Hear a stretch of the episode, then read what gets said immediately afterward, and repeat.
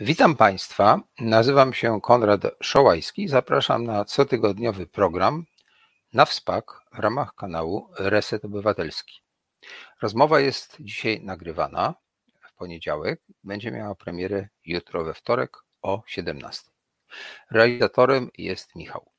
Przypominam Państwu, że Reset Obywatelski to miejsce dla wszystkich tych, którzy zadają pytania, mają wątpliwości, chcą się czegoś nowego dowiedzieć lub spojrzeć e, na wydarzenia, sprawy, zjawiska z innego punktu widzenia. Jeśli Państwu podoba się to, co robimy, to odsyłam na naszą zrzutkę na działalność Resetu, bo utrzymujemy się dzięki Państwa szczodrości. Mogą Państwo zostać producentami, sponsorami tych programów. Wszelkie informacje znajdą Państwo na stronie Resetu. Dzisiaj będzie rozmowa o psychologii. Y, wcześniej mieliśmy okazję gościć tutaj generała Packa, który mówił o psychologii w czasie wojny, w czasie wojny hybrydowej i w ogóle w czasie wojny. Ale teraz Zajmiemy się psychologią w ogóle. Trochę e, odchodzimy od wojny w Ukrainie, trzymając kciuki za naszych e, braci Ukraińców, z nadzieją, że e, wojna skończy się dla nich szczęśliwie. Ale no, musimy jakoś żyć i zajmować się też innymi tematami, stąd mm, dzisiaj właśnie psychologia. Gościem, który wprowadzi nas w świat badań nad ludzkim umysłem, będzie e, znany bardzo troublemaker polskiej, nie tylko polskiej psychologii, dr Tomasz Witkowski. Zapraszam. E, dzień dobry. Okazją do tego, żeby dzisiaj porozmawiać, jest niedawno wydana książka. Może ja ją pokażę. Ja ją otrzymałem już. O, tak ją może pokażę. E, jest to książka, która najpierw, z tego co wiem, wyszła po angielsku. E, jest to zespół wywiadów z najwybitniejszymi psychologami, z którymi Tomasz Witkowski przez lata e, rozmawiał. E, może powiem w kilku słowach jeszcze, że to jest zupełnie wyjątkowy y, zbiór takich głębokich wywiadów, bo to psycholog z psychologiem rozmawiają, więc znają się na rzeczy, ale na szczęście tak rozmawiają, że to jest zrozumiałe także dla laika. E, autor zaprosił najbardziej wpływowych współczesnych psychologów e, i te rozmowy były przez kilka lat prowadzone. E, I mm, generalnie przewija się tam taka nutka kryzysu, e, że w zasadzie współcześnie, zresztą właściwie kryzys mamy we wszystkim, ale w psychologii e, w szczególności.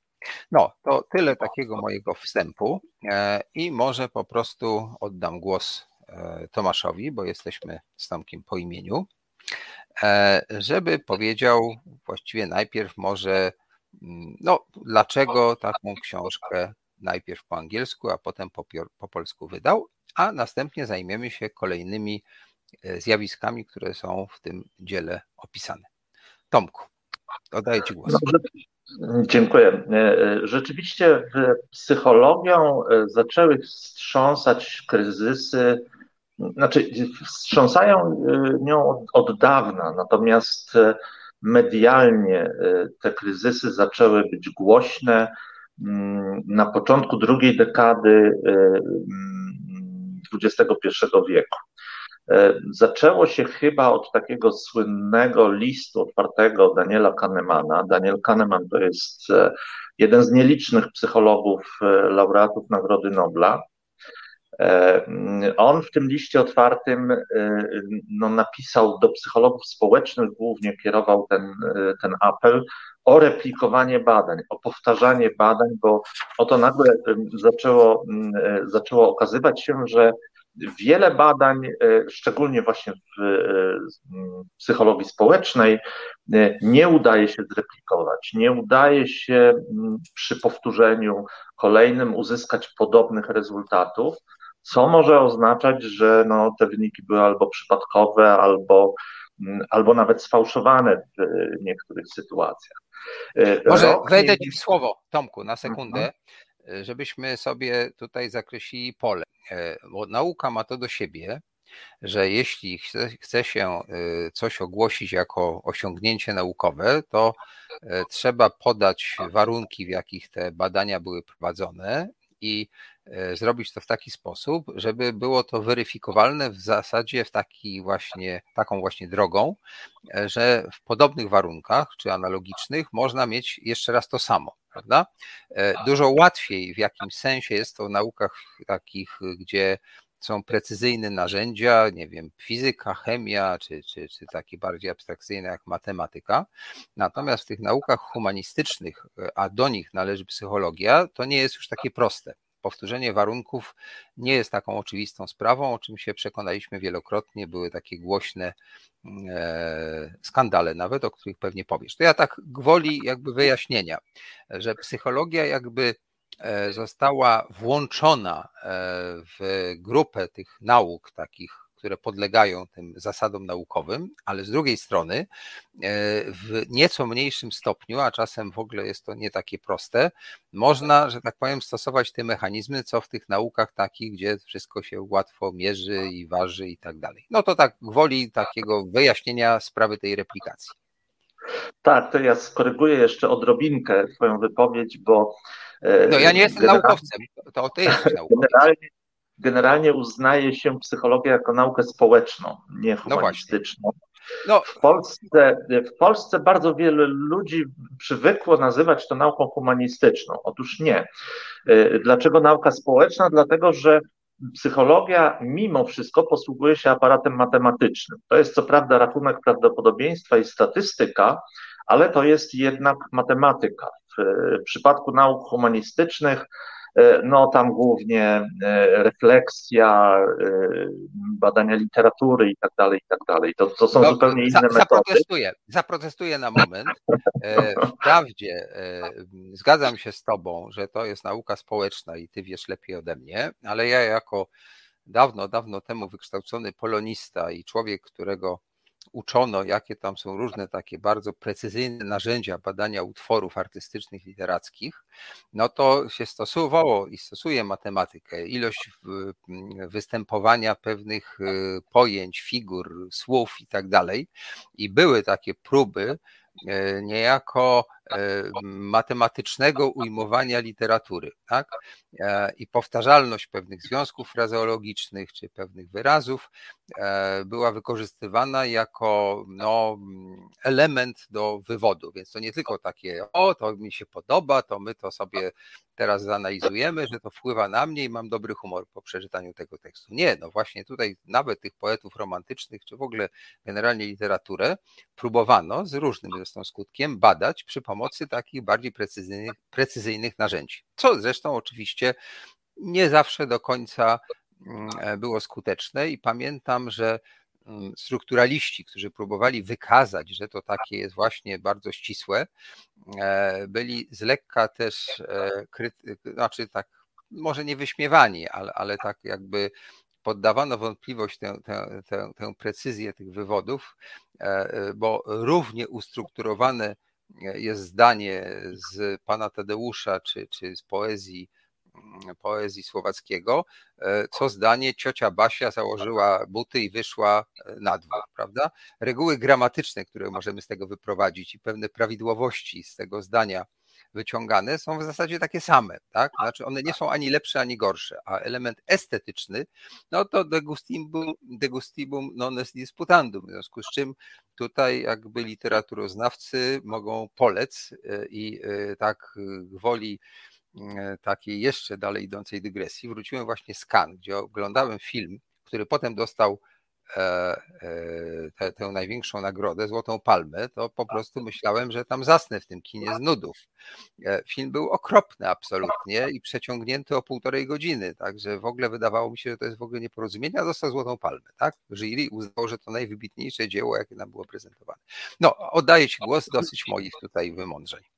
Jasne, to, y, y, to, może jeszcze, żeby doprecyzować te, ta różnica między naukami społecznymi, humanistycznymi, y, rzeczywiście nauki humanistyczne próbują zastosować matematykę, natomiast raczej ja nie znam specjalnie sytuacji, w których się przeprowadza eksperymenty na przykład z zakresu sztuki, chyba że jakieś działania twórcze nazwiemy eksperymentami, natomiast w psychologii rzeczywiście prowadzi się metodologicznie rygorystyczne eksperymenty, które, tak jak e, słusznie podkreśliłeś, e, powinny dać się powtórzyć w podobnych warunkach i powinny dać podobny rezultat. I jeszcze taka różnica może między naukami społecznymi a mm, humanistycznymi, że nauki humanistyczne zajmują się niemal wyłącznie wytworami człowieka. To, co stworzył człowiek, nauki humanistyczne to analizują e, w różny sposób, używając właśnie matematyki czy jakiejś innej analizy. Natomiast e, nauki społeczne jednak w znacznej mierze e, zajmują się pewną obiektywną rzeczywistością. Tą obiektywną rzeczywistością jest zachowanie ludzi. E, to jest główny przedmiot e, psychologii. I w związku z tym e, my, psychologowie, staramy się to zachowanie obserwować, mierzyć i sprawdzać, z jakim prawdopodobieństwem pewne zachowania mogą się przydarzyć, mogą wystąpić. Stąd tutaj jest nam potrzebna ta matematyka. Ale wracając do Twojego pierwszego pytania, czyli skąd w ogóle się wziął pomysł na, na książkę, co z tym kryzysem w psychologii, no to właśnie było tak, że, że pierwszy był ten list Kahnemana, taki dość głośny medialnie, no bo to laureat Nagrody Nobla, więc e, dziennikarze to podchwycili, zaczęli o tym pisać.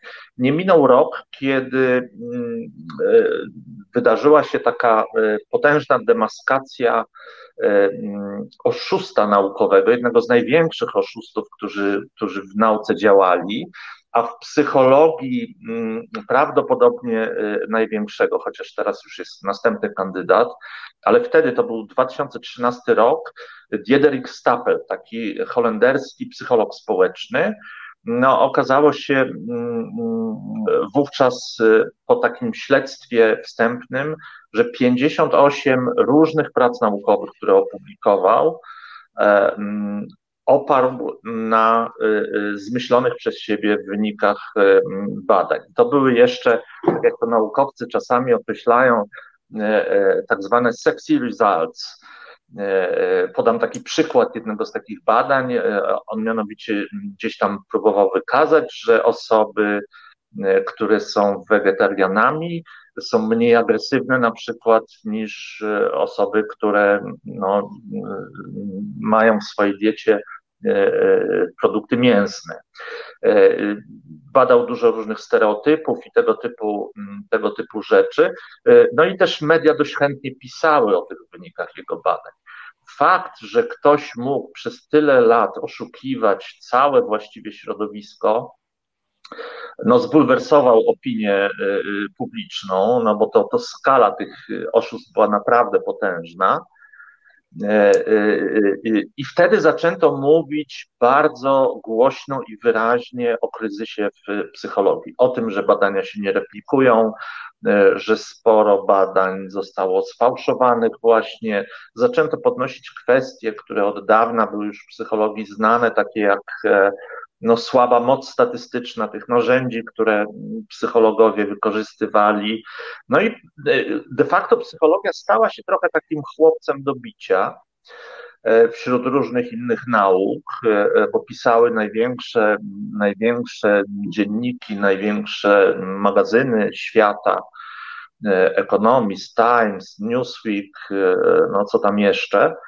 E, e, zaczęto o tej psychologii dość mocno mówić, chociaż ten kryzys, jak się mu dobrze przyjrzeć, on też w innych naukach e, jest dość poważny. No teraz się na przykład ukazał wyniki takiego dużego projektu replikacyjnego badań nad rakiem i one też nie są zbyt optymistyczne.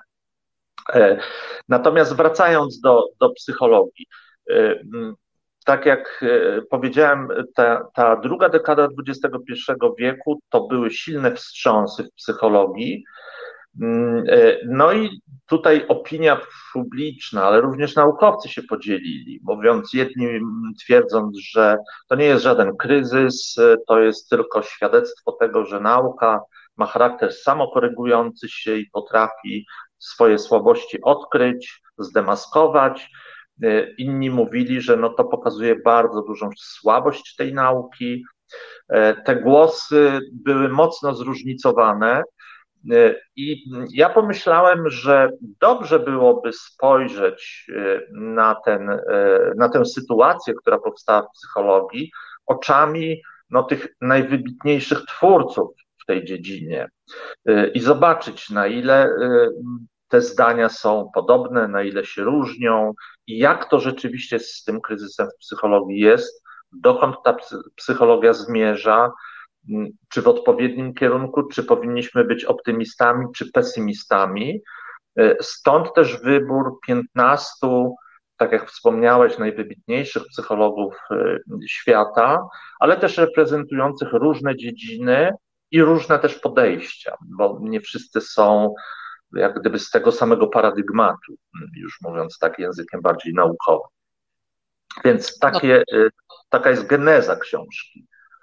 No tak, i teraz tak, jak ja tę książkę czytałem, to nie jest y, w tym sensie łatwa lektura, że w zasadzie za każdym razem miałem wrażenie, że wchodzimy w trochę inny świat, bo każdy z tych naukowców, to zresztą są też kobiety, bardzo zresztą interesujące, ma swój własny jakiś taki sposób myślenia, jakieś tam takie powiedzmy idee fix, które potem się okazuje zresztą, że jest ciekawą hipotezą badawczą, ale to nie jest taki jakby wykład, który po kolei mm, e, zajmuje się różnymi zagadnieniami, tylko to są do pewnego stopnia portrety takich ludzi, którzy się nie zgadzali na to, co do tej pory było. To wydawało mi się, że to jest takim wspólnym mianownikiem, przynajmniej tych wywiadów, które zdołałem przeczytać, bo przyznaję się, E, od razu, że całej książki, ona jest naprawdę dosyć pokaźna. O, tutaj widać, że jest gruba. Ile ona ma stron? Boże, z 800 albo więcej.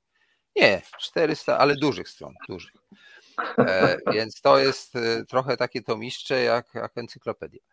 E, I e, w zasadzie miałem takie poczucie i też chciałem, żebyś to ewentualnie skorygował, tak jak z tymi naukami społecznymi, humanistycznymi. Czy to rzeczywiście jest tak, że ten rozwój nauki, a w szczególności osoby, z którymi ty rozmawiałeś, to są właśnie tacy, którzy powiedzieli, nie, nie jest tak, jak myślicie, jest trochę inaczej albo zupełnie inaczej. Czy to jest rzeczywiście taki wspólny mianownik tej książki, co zresztą dotyczy ciebie, bo ty jesteś taki, że w zasadzie za każdym razem, i ja też taki jestem, jak coś słyszę, to pierwsze, co mi przychodzi do głowy, a może jest zupełnie odwrotnie. Oddaję ci głos. E, no tak, zdecydowanie e, e, tutaj już od pierwszego wywiadu, bohaterką pierwszego wywiadu jest Elizabeth Loftus. Elizabeth Loftus, która właściwie wystąpiła przeciwko takiemu psychoterapeutycznemu establishmentowi. Czym się to dla niej skończyło? No, między innymi tym, że mm, tak, Elizabeth Loftus e, przychodziła na wykłady z mm, ochroniarzami e, cywilnie ubranymi, e, bo mm, otrzymywała tak dużo gruźb różnego rodzaju ataków, a w swoim biurze uniwersyteckim ćwiczyła strzelanie po prostu, żeby, żeby móc się bronić, więc e, no, groźby śmierci e, nie należały do rzadkości też w jej przypadku. Ona akurat prowadziła badania, prowadzi dalej, prowadzi badania nad pamięcią, w szczególności nad pamięcią świadków. E, I e, no, wyszła naprzeciw takiemu założeniu, e, które wielu psychoterapeutów hołdowało i nadal hołduje, że mm, oni twierdzą mianowicie, że są w stanie odzyskać tak zwane wyparte wspomnienia. I te wyparte wspomnienia to często dotyczyły na przykład molestowania seksualnego w dzieciństwie przez własnych rodziców, bądź udziału w satanistycznych obrzędach, bądź jeszcze innych koszmarnych tego typu e, e, wspomnień. Natomiast Elizabeth Loftus wykazała, że e, wspomnienia o wiele łatwiej można wdrukować. że prawdopodobnie to, co ci terapeuci odzyskują, to nie są wspomnienia odzyskane, a wdrukowane. Uczestniczyła w bardzo wielu różnych e, e, przypadkach sądowych, procesach sądowych jako świadek e, zeznawała. No i można powiedzieć, że tak, stanęła, zdecydowanie stanęła w poprzek. No to od niej zacznijmy, a potem ta lista się, się rozwija, żeby wspomnieć Sternberga chociażby, który nawet zredagował taką książkę mm, E, e, psychologists define the crowd, czyli psychologowie, którzy przeciwstawili się e, tłumowi generalnie, czyli którzy, którzy popłynęli pod prąd. No i to jest chyba cecha w ogóle wybitnych naukowców we wszystkich dziedzinach, no bo żeby popchnąć jakąś dziedzinę do przodu, to trzeba ją wyrwać z tych kolejn, którymi się toczy, E, e, i skierować e, w innym kierunku. I większość tych rozmówców, moich rozmówców, rzeczywiście to są tacy ludzie, którzy nie bali się przeciwstawić obowiązującym czy powszechnie akceptowalnym prawdom i też ponosili dość duże konsekwencje i nadal ponoszą. Część z nich nadal, części z nich nadal nie jest lekko i łatwo, choć ja zwrócę jeszcze uwagę na jedną rzecz. My tutaj patrzymy na tych ludzi, którym się udało. Prawdopodobnie na każdego z takich moich rozmówców przypada kilkunastu, których nie znamy, którzy próbowali się przeciwstawić, a którym się to nie powiodło i nie udało, i o nich historia będzie prawdopodobnie milczeć. To może ja tutaj się też troszeczkę wtrącę z własną E, taką mm, historią. Mianowicie przypomnę, jak myśmy się poznali. Wydaje mi się, że to było w związku z filmem Walka z szatanem, prawda? Dobrze ko kojarzę. Tak. No tak, przepraszam, że tutaj przywołuję własny przykład, ale z tego przykładu coś wyniknie. Mianowicie ja pomiędzy 2012 i 2015 rokiem, czyli zajęło mi to około trzech lat, pracowałem nad filmem Walka z szatanem. On jest dostępny mm, no, na różne sposoby, głównie mm, na, w Polsce na portalu HBO. Teraz to jest HBO Max. E, zachęcam, bo w zasadzie wydaje się, że ten film się e, tak naprawdę nie tylko nie zestarzał, ale jest taki jakby wiecznie aktualny, bo się tak za wiele w tej sprawie nie zmieniło, a może i nic. W każdym bądź razie, kiedy badałem w ogóle sprawę opętań i egzorcyzmów, żeby zrozumieć o co chodzi, żeby móc o tym zrobić film, bo to nie był przecież mój świat, to między innymi od profesora e, e, religioznawstwa e, Zbigniewa Paska mm, dowiedziałem się, że jest jedna z teorii, która mówi właśnie o tym, jakie są wspomnienia, czy w ogóle zachowania ludzi, może najpierw zachowania, w czasie egzorcyzmów e, e, i jak oni w ogóle wchodzą w tę pewną konwencję. I jest szwedzki badacz, którego nazwisko mi teraz umknęło, ale to chodzi o, o, o sens, a niekoniecznie nazwisko, mianowicie, który mm, to skandynawski badacz stwierdził, że zachowanie ludzi podczas egzorcyzmu jest bardzo podobne. Można wskazywać pewne takie E, typowe objawy, że się człowiek rzuca, że krzyczy nie swoim głosem, że pluje, no mnóstwo tam jest takich rzeczy. I on stwierdził na podstawie właśnie swoich różnych tam badań, że ci ludzie uczą się tego. To znaczy, że oni czytając książki, oglądając filmy, słuchając mm, swoich egzorcystów, zwykle przy pierwszym egzorcyzmie to są stosunkowo spokojni. A dopiero jak ten egzorcysta im powie, że może tak się zdarzyć, że poczuje, że w środku coś tobą targa, to wtedy od razu targa, prawda? I tak dalej, i tak dalej. Bardzo pięknie e, ksiądz, który był naszym przewodnikiem, pokazuje to na końcu filmu, kiedy mówi właśnie o tym, że e, bardzo często rozmaite takie symptomy, które są kompletnie wytłumaczalne medycznie, są uznawane za objawy e, demoniczne. I e, właśnie e, to mm, e, działanie psychologów, którzy jakoby są w stanie wydobyć z pamięci klienta czy pacjenta pewne informacje, trochę to przypomina. To jest trochę tak, że my mamy taką pewną zdolność rozpoznawania świata przez pewne matryce, które nam ktoś do głowy włożył często nie mamy świadomości, bo to się uczymy od małego. To jeszcze jesteśmy w ogóle e, nieświadomą istotą, kiedy te matryce w nas wchodzą, prawda? A potem mama, ciocia, babcia, opiekunka, ojciec mówią, tak się nie robi, tak się robi, a tu krasnoludek tak, a to królewna Śnieżka tak. I postrzegamy świat przez te wszystkie opowieści jakby zapytać dziecka, no to przecież ono wspomni oczywiście, jak te krasnoludki go odwiedziły, prawda? Czy jak królewna Śnieżka tam z nim rozmawiała. I często dziecko ma takiego przyjaciela, który jest niewidoczny i tak dalej, i tak dalej. Także nawet takie potoczne doświadczenie, które e, mamy, jak obserwujemy dzieci, e, no, potwierdza to, co ty powiedziałeś, że bardzo wiele rzeczy można, mówiąc prosto, wmówić. Pamiętam też bodajże szwedzki film o tym, jak oskarżono nauczyciela o pedofilię. To bardzo często się zdarza właśnie niestety w tej sprawie. E, I uczniowie byli zgodni, że on tam te dzieci gdzieś tam zabierał, zamykał w tej piwnicy, trzymał i tam różne krzywdy im czynił. Potem jak była wizja lokalna, się okazało, że w jego domu nie ma piwnicy. I to go uratowało, tak? A te dzieci ze szczegółami opowiadały, jak ta, jak ta piwnica wyglądała.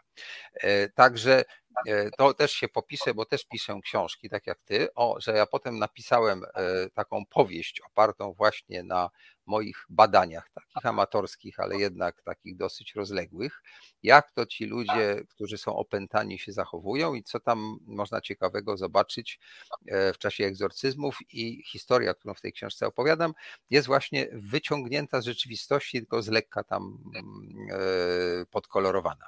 Ale potwierdzam jakby z mojego własnego doświadczenia, że to wmawianie wspomnień i pewnego rodzaju odkrycia. Teraz też czytałem niedawno taką powieść o mm, policjancie z, ze Stanów, którego własne córki oskarżyły o, o, o, molestowanie seksualne i on był bardzo religijny i był przerażony, że mogła być w nim taka druga istota i w końcu się przyznał. Ba, nie tylko on się przyznał, ale jego koledzy też jakoby w tym brali udział, a potem się okazało, że to wszystko jest kompletnie wymyślone i gdzieś tam wyszło na to, że mimo, że on to uznał, że to prawda i sam jak powiedział, tak, ja byłem ten grzeszny i tak dalej, no to okazało się, że to jest kompletna lipa. Więc tutaj dotykamy niestety bardzo takiego śliskiego terenu, gdzie jest e, czasem słowo przeciwko słowu i tak dalej. I mimo, że raczej jesteśmy skłonni wierzyć, że, że tych nadużyć jest masę, szczególnie tych, e, no powiedzmy, religijnych, tak, które sekielscy, sekielscy pokazywali, mm, to czasem trzeba też zachować tutaj jakąś taką rozwagę, prawda? Bo to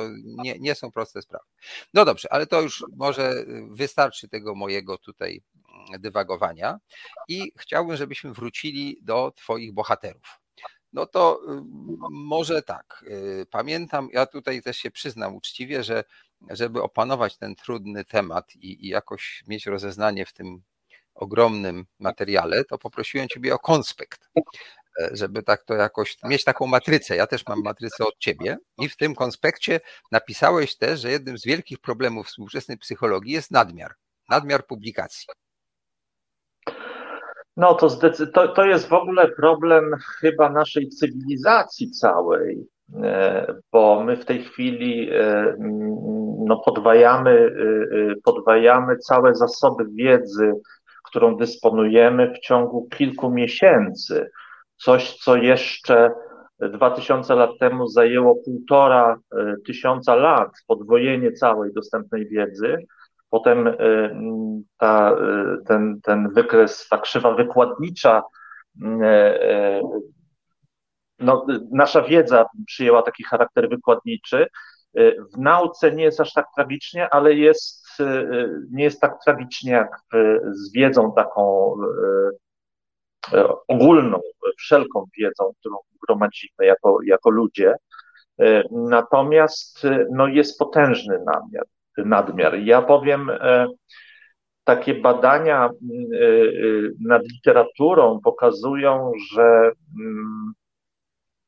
80% mm, wszelkich publikacji naukowych nie jest nigdy w ogóle cytowana nieraz. To może oznaczać dwie rzeczy. Pierwszą, że no, zawarta nich wiedza jest na tyle nieprzydatna, że ktoś to przeczytał, uznał, że nie warto tego zacytować. bądź też nikt do tego nie dotarł, nikt tego nie przeczytał. To, to, to drugie jest bardzo prawdopodobne. Okazuje się tego naprawdę cała masa, ale też są problemy, o których zresztą rozmawiam z tymi moimi rozmówcami, są problemy polegające na tworzeniu nadmiaru teorii, nad, nadmiaru wyjaśnień. E, Brian Nosek, najmłodszy mój rozmówca, to jest taki apostoł ruchu otwartej nauki. On mówi o tak zwanej redundancji konceptualnej. Redundancja konceptualna to jest takie zjawisko, które ja lubię pokazać na, na, na jednym przykładzie takim obrazowym. Otóż parę lat temu pewien zespół psychologów zebrał się aby wypracować metodę mającą na celu nakłonić, nakłonić pracowników służby zdrowia do częstszego mycia rąk. Okazuje się, to było jeszcze przed pandemią, okazuje się, że e, mycie rąk przez pracowników służby zdrowia na świecie w skali globalnej to jest jedno z najpoważniejszych źródeł niepotrzebnych powikłań i śmierci pacjentów. Prosta sprawa, mycie rąk. I teraz ci psychologowie zebrali się, zrobili burzę mózgu i zidentyfikowali 33 teorie zawierające w sumie 128 konstruktów teoretycznych, które uznali, że mogą być przydatne do nakłaniania ludzi do częstszego mycia rąk. I y, podkreślę jeszcze to, że to, to nie były systematyczne y, badania literatury. Oni nie, nie, nie poszli do bibliotek, nie, nie przejrzeli literatury, tylko po prostu zidentyfikowali te teorie i te konstrukty, które mieli w głowach. Y, no więc, jeżeli my potrzebujemy 33 teorie i 128 konstruktów teoretycznych do, do nakłonienia ludzi do tak prostej czynności jak mycie rąk, to coś jest mocno nie tak z naszą dziedziną. To pokazuje e, ten niepotrzebny nadmiar. E, jest takie schorzenie, które się nazywa patologicznym zbieractwem, logomanią inaczej. E, to, to zaburzenie polega na tym, że ludzie gromadzą w swoich domach, w swoich mieszkaniach ogromną liczbę przedmiotów, które się mogą na coś przydać, oczywiście w przyszłości. Tych przedmiotów jest tak dużo, że często powodują śmierć ich właścicieli, bo to się zwala wszystko na nich, e, e, albo zawala wejście, e, taki specyficzny rodzaj tej sylogomanii to jest zbieranie zwierząt, często bezpańskich. Tacy ludzie mają po kilkanaście czy kilkadziesiąt psów, kotów, co jeszcze stwarza dodatkowe zagrożenia. Jeżeli spojrzymy na psychologię, e, e, no to można powiedzieć tak, e, psychologowie są patologicznymi zbieraczami. Tych koncepcji, tych teorii jest naprawdę masa w psychologii. Często badacze niezależnie od siebie badają to same zjawisko, odkrywają podobne rzeczy, nie wiedząc o sobie nawet nawzajem.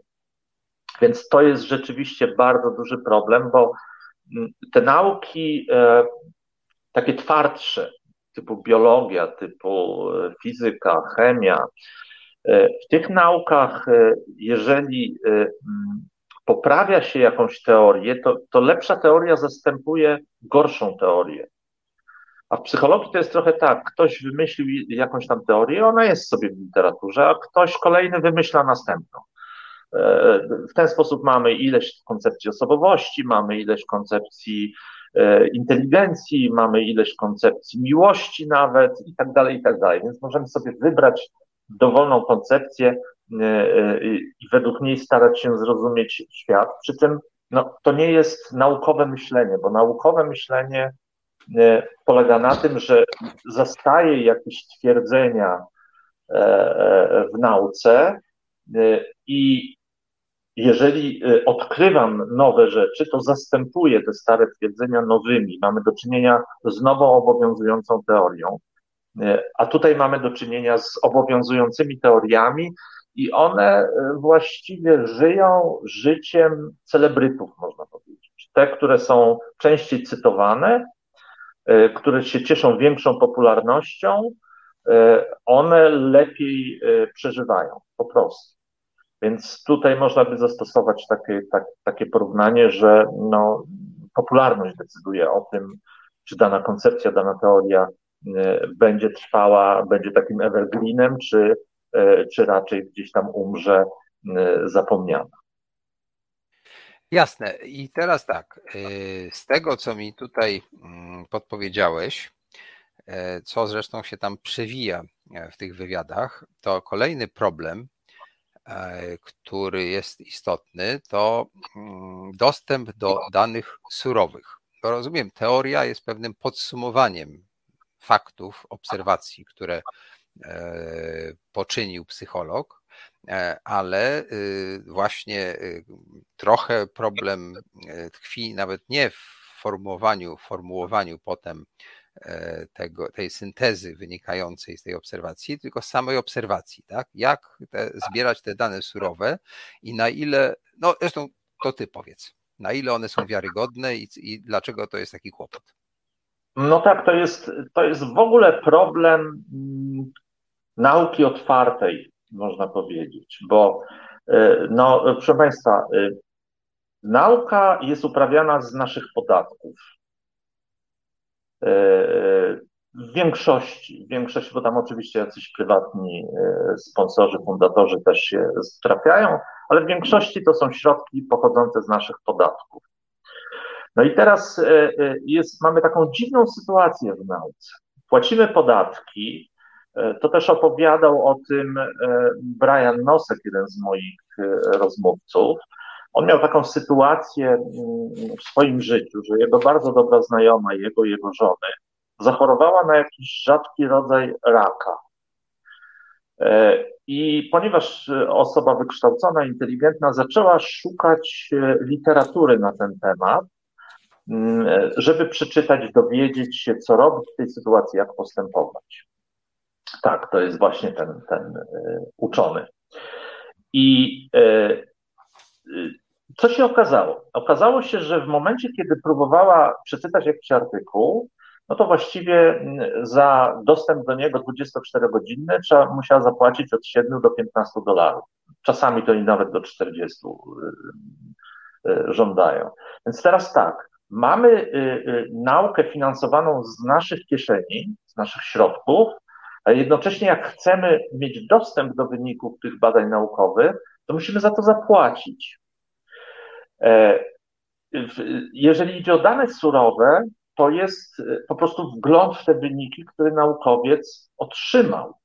E, I teraz naukowcy bronią się przed tym ze zrozumiałych względów, dlatego że no, jeżeli będziemy zaglądać w ich tabelki z wynikami, z danymi, no to być może ktoś może zobaczyć, że tam coś jest z tymi wynikami nie tak.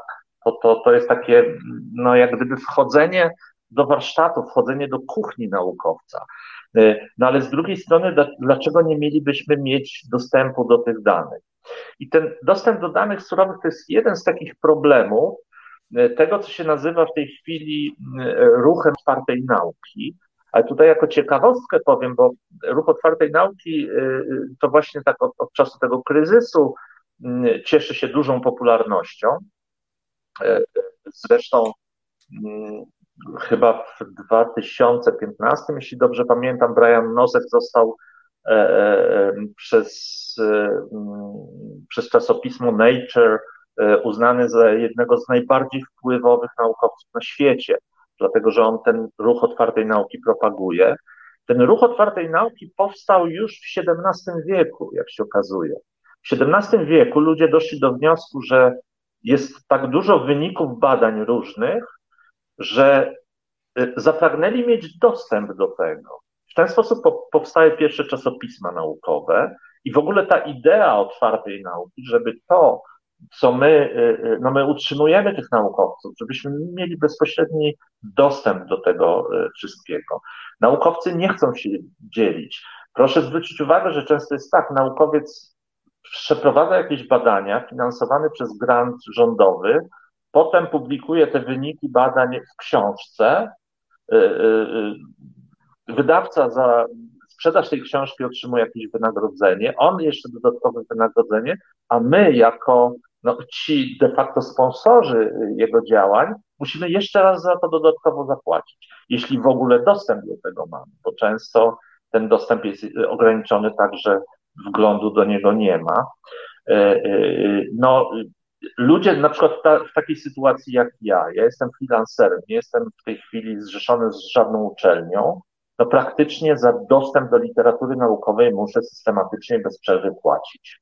Ewentualnie korzystać z pomocy takich ludzi, którzy są zatrudnieni na uczelniach i y, na uczelniach uczelnie kupują abonament na tam kilkudziesięciu czy kilkuset naukowców i y, to, to są zupełnie inne koszty i ten dostęp jest y, trochę łatwiejszy, trochę, trochę inny. Ale to jest jeden z problemów cały czas właśnie współczesnej nauki, że naukowcy bronią dostępu do wyników swojej pracy z dwóch względów jednej właśnie takiej, żeby nie patrzeć im na ręce troszeczkę, e, e, e, a drugiej dlatego, że to są jakieś określone profity z tym związane.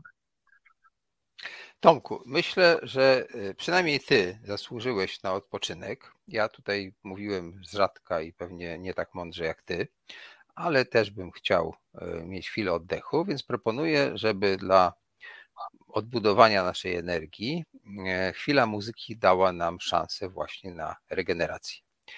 E, Michale, prosimy o muzykę. Reset Obywatelski to jedyne medium, w którym to ty masz realny wpływ na jego działanie. Wspieraj swoje medium stałą kwotą przez Patronite zrzutka.pl, bezpośrednimi wpłatami na konto lub na resetobywatelski.pl. E, witam wszystkich tych, którzy dopiero teraz zaczęli nas e, obserwować albo słuchać. Ja nazywam się Konrad Szołajski. Dzisiaj mam zaszczyt gościć Tomasza Witkowskiego, doktora psychologii, e, człowieka, który rzucił wyzwanie wielu polskim psychologom, a w szczególności psychoterapeutom, ale okazuje się, jak przeczytamy w jego książce, w której nam zaprezentował wywiady z wybitnymi psychologami z całego świata, że w zasadzie ci ludzie e, w większości też się nie zgadzali z tym, co do tej pory w psychologii było, i na tym polega e, rozwój, postęp e, w nauce. Nawet takiej, powiedziałbym, troszeczkę mm, spekulatywnej, czy, czy nie do końca ścisłej, jaką jest psychologia. I teraz z tego, co mi tutaj pięknie przygotowałeś, mm, e, próbując mm, uporządkować moje rozproszone myśli po lekturze tych wywiadów, e, mam następny punkt, o który chciałbym Cię zapytać. Mianowicie napisałeś zdanie niska jakość metodologiczna badań. No to dlaczego? Mamy tyle pieniędzy, są te granty, dysponujemy urządzeniami do nagrywania obrazu i dźwięku. E, ja miałem okazję być na takim badaniu, gdzie i wypełniałem testy, i byłem obserwowany przez lustro weneckie, e, i bezpośredni wywiad był i tak dalej. No, to wszystko jest takie, mm, no jakby to powiedzieć, wskazujące na to, że ten warsztat się niejako rozwinął niesłychanie. No a ty piszesz problemy y, z niską jakością metodologiczną badań. O co tutaj chodzi? No to jest, to jest problem odwieczny w psychologii, można powiedzieć. Bardzo mocno podniesiony w latach 60. E, e, przez takiego psychologa mm, Jacoba Coena. E, on już wtedy mówił, że to, co robimy, robimy bardzo źle. I dopiero w tej chwili, w latach dwudziestych, czy w drugiej dekadzie XXI mm, wieku, zaczynamy te postulaty uwzględniać. Dlaczego tak jest? E, no, naukowcy to są ludzie. Naukowcy to są ludzie, którzy dążą do jakiegoś celu. Celem większości naukowców jest publikacja. E, e, mówię to z całym przekonaniem, ze znajomością bardzo wielu naukowców. E, naukowcy w tej chwili rzadko kierują się e, w swoim postępowaniu czymś takim jak odkrycie naukowe. Mm, e, raczej celem jest uzyskanie środków na prowadzenie badań, a więc zadowolenie różnego rodzaju komisji, które te środki przyznają. i opublikowanie wyników swoich badań, bo to z kolei upoważnia do ubiegania się o następne środki, o punkty na uczelniach i tak dalej, i tak dalej. Podam taki przykład jednego z moich rozmówców, chyba jeden z najwybitniejszych neuronaukowców na świecie, Joseph Ledoux.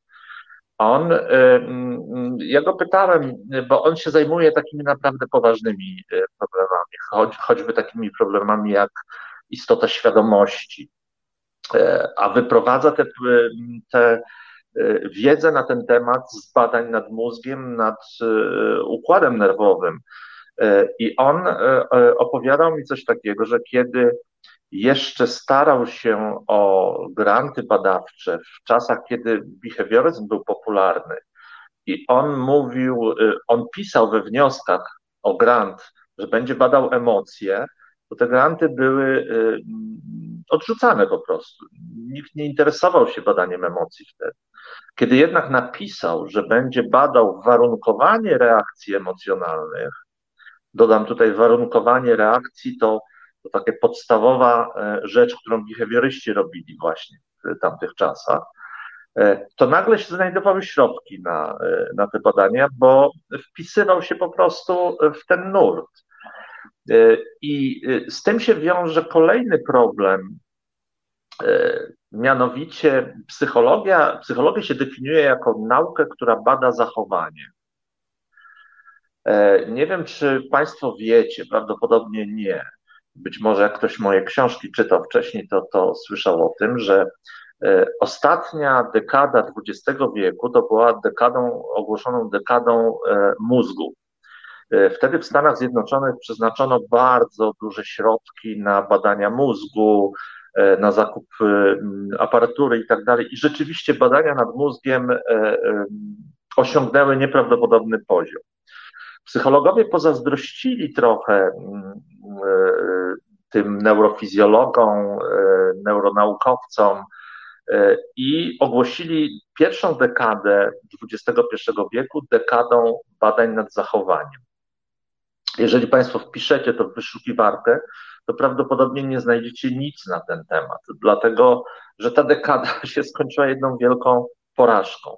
A w środku tej dekady jeden z moich rozmówców, Roy Baumeister, ze swoimi współpracownikami, przeprowadzili takie badanie, w którym analizowali y, najbardziej prestiżowy, y, najbardziej prestiżowe czasopismo psychologiczne, przynajmniej psychologii społecznej, Journal of Personality and Social Psychology. Y, I co się okazało? Okazało się, że na trzydzieści kilka prac badawczych zaledwie dwie można określić jako takie, które badają rzeczywiste zachowanie człowieka. E, Baumeister określił to jako e, e, psychologię, jako naukę o badaniu, naukę, która bada samoopisy i ruchy palców. Dlatego, że powiem, jak można badać zachowanie człowieka? Otóż, jeżeli chcemy zbadać, na ile ludzie są hojni, wspierając jakiegoś określonego, na przykład żebraka, to sadzamy takiego żebraka w odpowiednim miejscu, obserwujemy, co się tam dzieje i później liczymy, ile osób przeszło, jaka średnia e, dotacja nastąpiła i tak dalej, i tak dalej. Mierzymy pewne parametry. Ale można to badanie zrobić w inny sposób.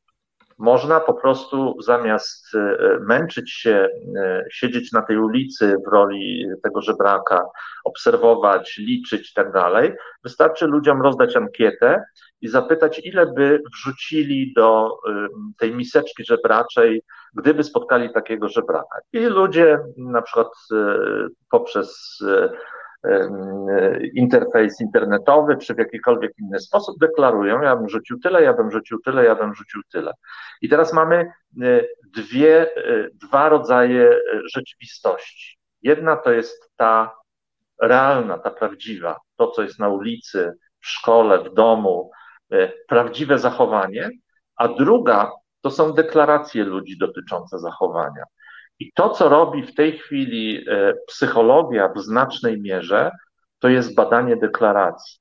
Badanie deklaracji, mało tego, jest, jest taka platforma internetowa, która się mechaniczny Turek nazywa, tam się Amazon administruje tą platformą, tam się kupuje osoby badane niejako, podrzuca się im ankietę, ten mechaniczny turek losuje odpowiednie osoby do naszych badań, dostajemy wyniki, nie widząc tych ludzi w ogóle na oczy. E, e, czyli mamy jak gdyby efekt działania ich palców na klawiaturze w najlepszym, w najlepszym rezultacie. I co się okazuje, bo część badaczy przeprowadziła to samo badanie, między innymi właśnie to, o którym mówię, że badacze posadzili żebraka w określonych warunkach i liczyli, ile osób się pochyli nad tą jego miseczką, ile wrzuci pieniędzy. I to samo badanie przeprowadzili w tym samym miejscu, zatrzymując ludzi i rozdając im ankiety i pytając. Okazało się, że jak ludzie dostają ankiety, to są niezwykle hojni. E, natomiast kiedy przeliczy się zawartość miseczki e, e, żebraka, no to te zachowania są zupełnie inne niż deklaracje tych zachowań.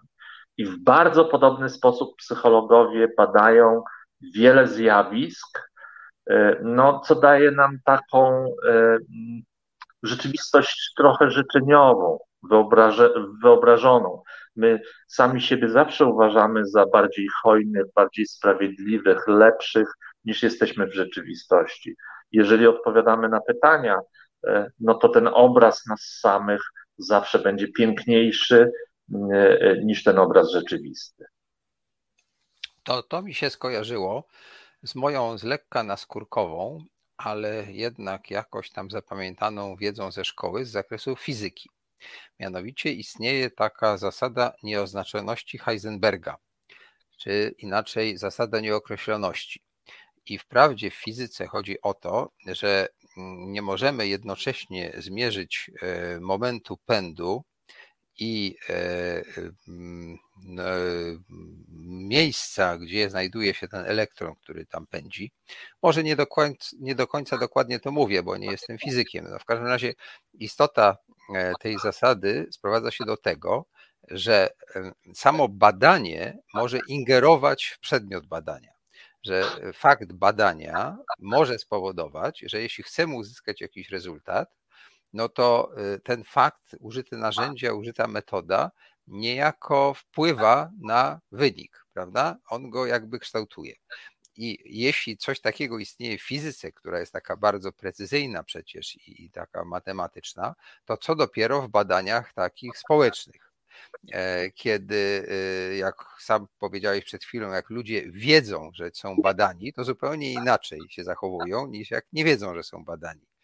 Mm, e, niedawno czytałem książkę Wszyscy kłamią, taką z zakresu powiedzmy psychologii, która opisywała między innymi takie zjawisko, na wielkich danych, które można zebrać mm, studiując internet, E, gdzie e, no, w jakiś sposób obiektywnie e, jest to stwierdzone, że zadawane pytania Google'owi, wpisujemy w Google'a jakieś pytanie, gdzie można kupić, nie wiem, łóżko, tak?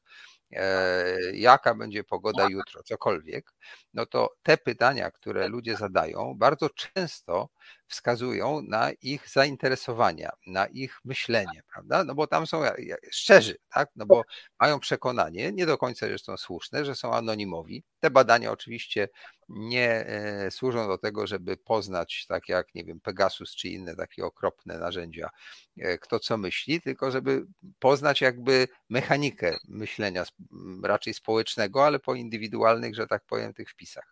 No i się okazuje y, y, z tego, co przeczytałem, że y, w stosunku do tego, co ludzie deklarują mhm. jako swoje zainteresowania, to to, co wpisują w, w, w Google, żeby znaleźć odpowiedź na pytanie, no to bardzo często odbiega w sposób znaczący. Na przykład są pytania, jak zabić żonę, żeby nie wpaść, tak? Czy jak ukryć, nie wiem, zwłoki, czy coś takiego. No co normalnie ludzie nie bardzo chcą się przyznać, że takie pytania zadają, a one stosunkowo często występują, czy wręcz o jakieś takie zachowania e, powiedzmy seksualne, które są takie brzegowe i tam mnóstwo jest takich dziedzin życia, które E, jak tak to badać, to widać, że ludzie mają w głowach takie różne myśli, natomiast w żadnych ankietach, w żadnych takich badaniach, gdzie istnieje podejrzenie, że możemy rozpoznać mimo wszystkich zapewnień o anonimowości, że możemy rozpoznać, kto tak myśli, kto tak kombinuje, no to nie ma prawdziwych wyników. Więc to wcale nie jest takie proste, żeby dojść do tego, co ludzie tak naprawdę myślą i jakie naprawdę są te emocje i tak dalej. No to takie spostrzeżenie też laika, który tam próbuje doczytać trochę z e, powiedzmy sobie takiej to, to ja wejdę Ci w słowo i powiem, że to jest bardzo ważne spostrzeżenie, dlatego że E, tu rzeczywiście e, istnieje szereg metod e, takiego prowadzenia badań, żeby ludzie nie byli do końca świadomi tego, że są badani, ale w tej chwili nawet niektórzy podejrzewają, że naprawdę sensowną wiedzę o zachowaniach ludzi gromadzi te kilka firm, takich jak Facebook, jak Amazon, jak Google, E, e, i temu podobnych, że, że tam są właściwie, e, że tam jest gromadzona nieprawdopodobna wiedza na temat naszych zachowań. Bo proszę sobie wyobrazić, no, każdy z nas chyba już w tej chwili ma telefon komórkowy, smartfona.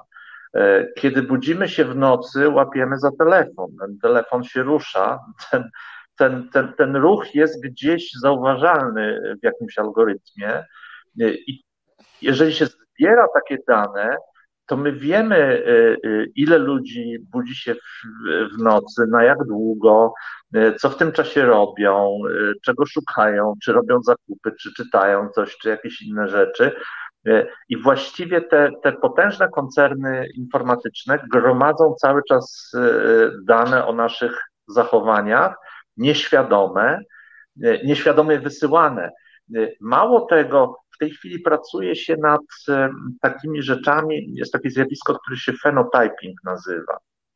Otóż e, algorytmy sztucznej inteligencji potrafią już diagnozować niektóre choroby i zaburzenia psychiczne na podstawie charakterystyki e, korzystania z klawiatury, ekranu smartfona e, czy ruchów myszy. Tylko na tej podstawie. E, więc to jest e, nieprawdopodobna wiedza. E, często naukowcy, ci tradycyjni, którzy pracują na uczelniach, trochę na, za tym nie nadążają, a też część tych naukowców, którzy naprawdę wiedzą, jak to robić, jak, jak to badać, jest wsysana przez te duże koncerny informatyczne i tam przetwarza tę wiedzę. Niekoniecznie ona jest potem udostępniana nam i niekoniecznie e, pełni charakter takiej wiedzy no, w tym systemie e, e, open science, tej, tej nauki otwartej, więc my, my niekoniecznie mamy do niej, do niej dostęp. Ale to rzeczywiście są bardzo fascynujące badania i przyszłość też, myślę, przyszłość części psychologii jest właśnie w tym miejscu. To nie są takie ankiety, gdzie my wiemy, że wypełniamy ankietę, bo ktoś nas o to poprosił, tylko nasze konkretne zachowania, które są analizowane później e, e, w dużej liczbie różnych zachowań przez odpowiednie algorytmy. No tak, jest takie zjawisko, które też gdzieś czytałem, E, wskazuje na to zresztą no, każdy smartfon, e, zjawisko. No, to są pewne algorytmy, pewne mechanizmy, które służą właśnie do badania, ale nie w celach poznania natury ludzkiej, tylko w celach czysto komercyjnych. E, zdarza się nam, że rozmawiamy bądź przez telefon, bądź nawet nie przez telefon, tylko telefon jest koło nas, że chcemy coś kupić. Niedługo potem na ekranie telefonu pojawiają się reklamy tego produktu, prawda? To co, co, co z tego wynika? No, że ktoś nas podsłuchał. I to nie jest jakiś straszliwy Pegasus, i to nie jest y, jakaś służba tajna, tylko to są te jakieś komercyjne mm, instytucje, które no, y, dbają o to, żeby potem sprzedać tę wiedzę szybko do, do, do, do firm, które handlują, nie wiem, samochodem, łóżkiem, pralką, czymkolwiek, co możemy kupić. I to jest niesamowite, że potem te wszystkie reklamy są tak profilowane, że nie możemy przejrzeć Facebooka, czy w ogóle wygooglować czegoś, żeby tam się nie pojawiło 15 ofert na ten artykuł, o którym rzeczywiście myślimy, prawda? A druga taka rzecz, którą zauważyłem, e, znaczy przeczytałem, e, gdzieś były takie badania, mm, mm, gdzie też się jakby zakłóca, ale to świadomie, zakłóca się wynik w taki oto sposób, że ten, który jest badany, nie wie, że jest badany tak naprawdę, ponieważ jemu się mówi, że on jest badany na co innego, prawda? I e, e, zdaje się taki jest przykład, że jest grupa, ale w całej tej grupie tylko jedna osoba jest poddawana badaniu, a oficjalnie cała grupa jest badana e, i tej grupie pokazuje się zdjęcia i ludzie mają mówić, co jest na tych zdjęciach. I pamiętam, że pokazywano na przykład zdjęcia zwierząt i tam były żyrafy, no to wszyscy mówili, że żyrafy, tak? Słonie to mówili, że słonie, ale potem E, e, pokazywano żyrafy i wszyscy zaczęli mówić, że to są słonie. I ten jeden, który był badany, po jakimś czasie też, jak widział żyrafę, na wszelki wypadek mówił, że widzi słonia, bo jak widział, widział, że wszyscy kłamią, no to on też już, nie wiem, czy kłamał, czy, czy tak się dopasowywał, żeby przypadkiem nie wyróżnić się negatywnie, prawda? Więc to znowu jest ta jak gdyby e, ekstrapolacja tej zasady nieoznaczoności, czy, czy wpływania, prawda? Badania na, na, na, na, na efekt tego i to można stosunkowo łatwo skonstruować sytuację, gdzie nasz taki psychologiczny oportunizm, takie dopasowanie do grupy, prawda? E, jest czerwone światło, ludzie nie przechodzą, ale jak ktoś zacznie przechodzić, to ludzie przechodzą, prawda? No i tak dalej, i tak dalej. Tego, tego jest masa. Ja myślę, że tak, e, teraz znowu byśmy zrobili małą przerwę i przejdziemy za chwilę do dalszej części naszej rozmowy. Michale, prosimy o muzykę. Wspieraj Reset Obywatelski stałą kwotą przez Patronite, zrzutka.pl, bezpośrednimi wpłatami na konto lub na resetobywatelski.pl. Obywateluj razem z nami. Prawoteka. Sędzie Monika Ciemięga, Jolanta Jerzewska i Marta Korzuchowska-Warywoda z Fundacji Edukacji Prawnej Justitia zabiorą Was do świata pełnego teczek z aktami. Wyjaśnią, na czym polega praworządność, sprawiedliwość – ale także jak uniknąć problemów z prawem. Porozmawiają z zaproszonymi gośćmi, odpowiedzą na Wasze pytania. Nie musicie wstawać. Sąd idzie w poniedziałki o 21 w resecie obywatelskim. E, witam wszystkich tych, którzy dopiero teraz nas dołączyli. Niech żałują, że wcześniej z nami nie byli, ale mogą sobie spokojnie odsłuchać i obejrzeć, bo to jest dostępne przecież dowolnym momencie. E, przypominam, że ja nazywam się Konrad Szołajski. Mam zaszczyt dzisiaj gościć doktora Tomasza Witkowskiego, który jest psychologiem, pisarzem, troublemakerem, jak ja to nazywam, ponieważ lubi e, wkładać w kij mrowisko i pokazywać, że nauka, jak psychologia jako nauka, no jest taką nauką dosyć specyficzną i nie zawsze wszystko, w co wierzymy, jest prawdziwe. I nie zawsze wszystkie praktyki, szczególnie terapeutyczne, pomagają.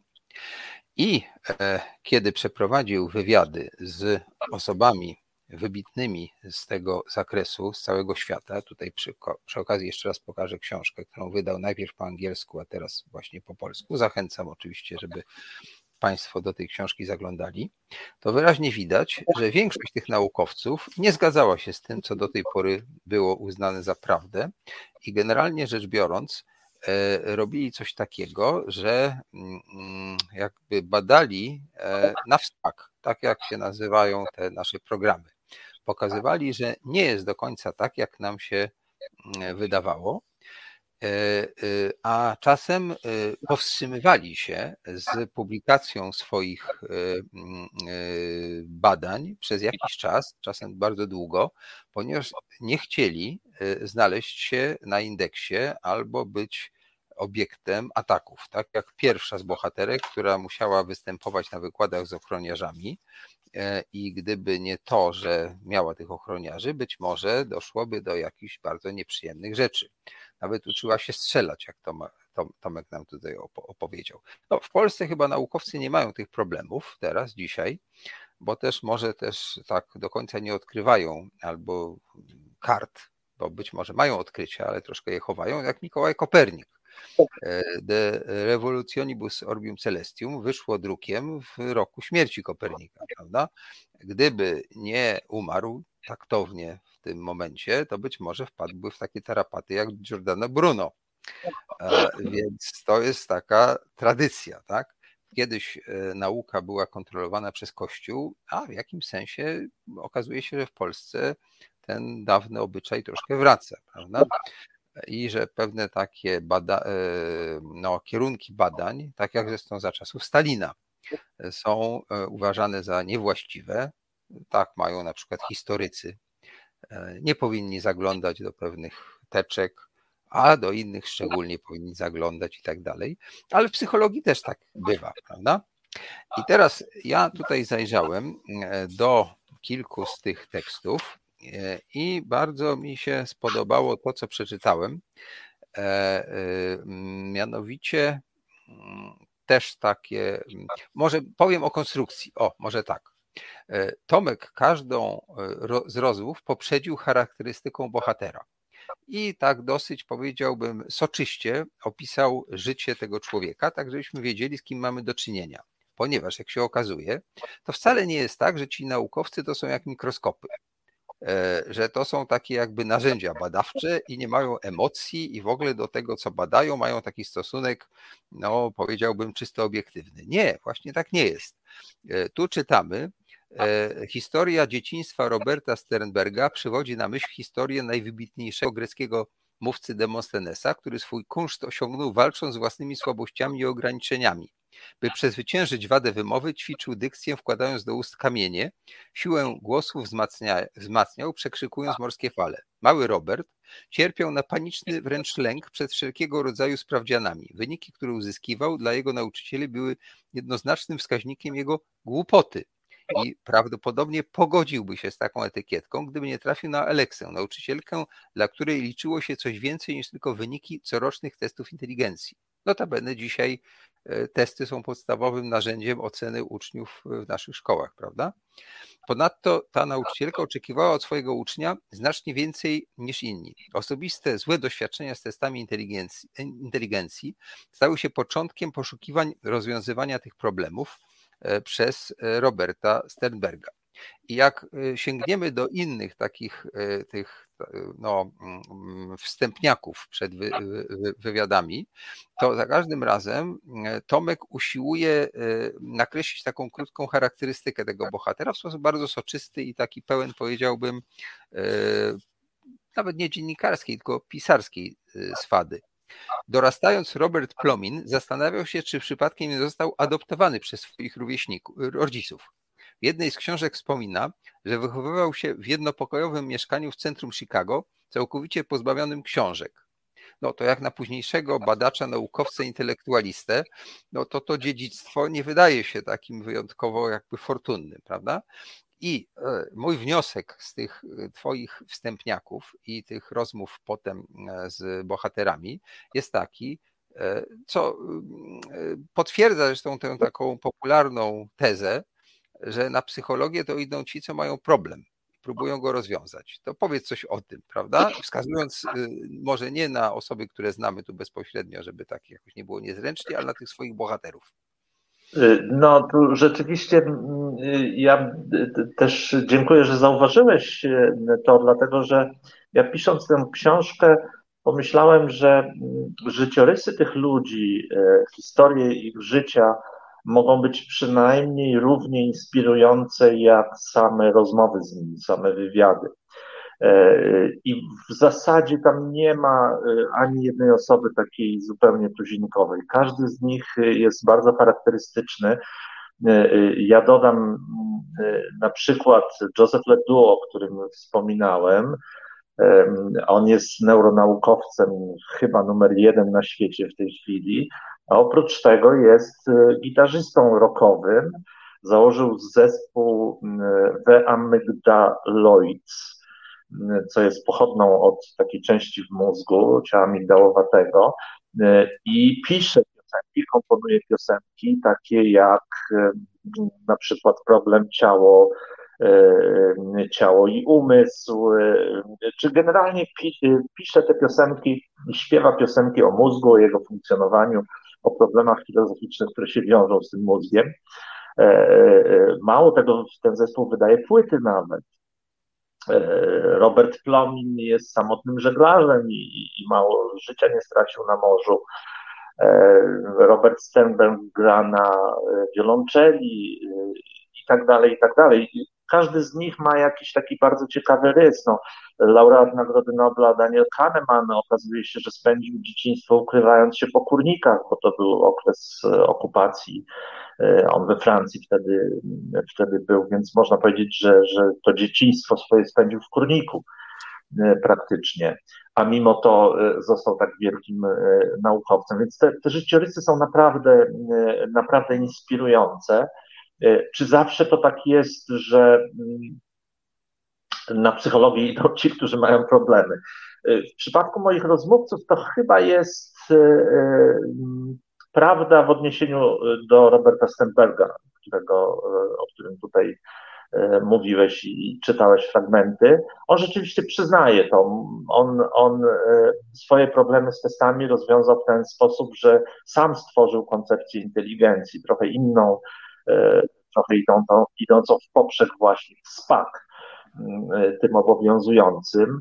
E, potem, jak doświadczył jakiegoś zawodu miłosnego, to zaczął studiować psychologię miłości, stworzył swoją triarchiczną koncepcję miłości i tak dalej, i tak dalej. Więc w przypadku Roberta Stenberga Natomiast no to nie jest regułą u psychologów. Myślę, że to jest takie, nawet próbowałem znaleźć jakieś badania, nie ma jednoznacznych wskazówek, e, które by mm, potwierdzały to potoczne przekonanie, że psychologami zostają ci, którzy mają problemy e, ze sobą. E, a wśród tych naukowców, z którymi rozmawiałem, dla wielu to była nieprawdopodobna pasja E, e, na przykład Baumeister próbował studiować e, filozofię, ale kiedy odkrył, że w filozofii nie da się empirycznie sprawdzać pewnych twierdzeń, hipotez, no to przeszedł do psychologii. Michael Posner, który jest współtwórcą neuroscience, metod neuronauki, on pragnął zostać fizykiem, ale stwierdził pewnym momencie, że jest za słaby na to, żeby prowadzić badania w fizyce i z całą e, e, no, fortunnie trafił do psychologii, no bo to jest nieprawdopodobny, wybitny umysł. Więc tutaj dużo ta pasja poznania popychała tych, tych moich rozmówców do tego, żeby żeby poznawać, żeby zgłębiać te tajniki umysłu. Ja myślę, że to jest trochę tak, że z psychologami pewnie jest tak jak z wszystkimi innymi ludźmi, że są różni, prawda? Że ten mm, wspólny mianownik, że każdy z nich musi mieć taki psychiczny problem, no to, to jest taka obiegowa prawda, ale nie do końca prawdziwa. Natomiast psychologowie mają inną cechę, że e, bądź e, zaglądają we własne umysły, bądź w tych e, umysły tych, którym pomagają, czy, czy tych, których badają. I ich taka przenikliwość jest niesłychanie interesująca, bo z mojego punktu widzenia, może mam specyficzny sposób myślenia, wydaje się niesłychanie ciekawe badanie tego, co jest wokół nas. Mnie zawsze wydawało się, że bardziej Mm, fascynująca jest egzotyka życia sąsiada niż e, plemienia, które żyje na Nowej Gwinei, prawda? I tam pomniejsza ludzkie głowy, albo jakiś Indian, którzy lubią skalpować, albo jakiś kanibali, którzy lubią, nie wiem, jeść ludzkie mięso, ponieważ nasi sąsiedzi też robią różne rzeczy albo myślą o różnych rzeczach, tylko e, kultura, w której żyjemy, niejako powoduje, że się nie zdradzamy z tym. Dopiero wtedy, kiedy są sprzyjające okoliczności, bardzo różne sytuacje. Jedziemy w pociągu i zwierzamy się współpasażerom, prawda? Albo pijemy alkohol, e, albo jakaś inna jeszcze sytuacja.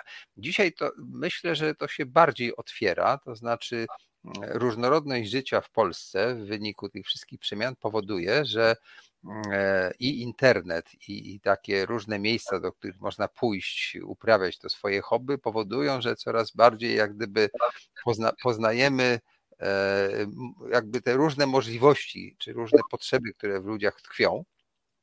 I trochę to mi przypomina właśnie tę twoją książkę, że jak się tak e, czyta o tych różnych psychologach, to każdy z nich troszeczkę, znaczy nawet nie troszeczkę, nawet bardzo szedł w inną stronę, tak? Odkrywał tutaj, że genetycznie jesteśmy bardziej uwarunkowani niż by się wydawało, tak? Albo że znowu inteligencja i kreatywność mają takie mechanizmy, które wcześniej nie były E, y, doceniane.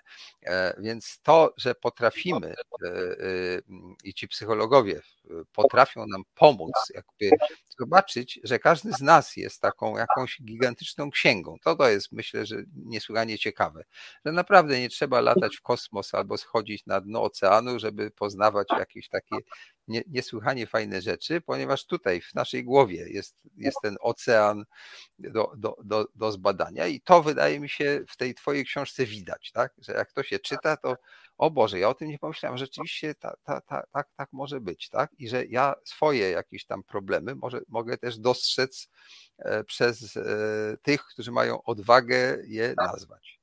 Co, czy, czy mam rację, te moje amatorskie takie spostrzeżenia? Co o tym sądzisz?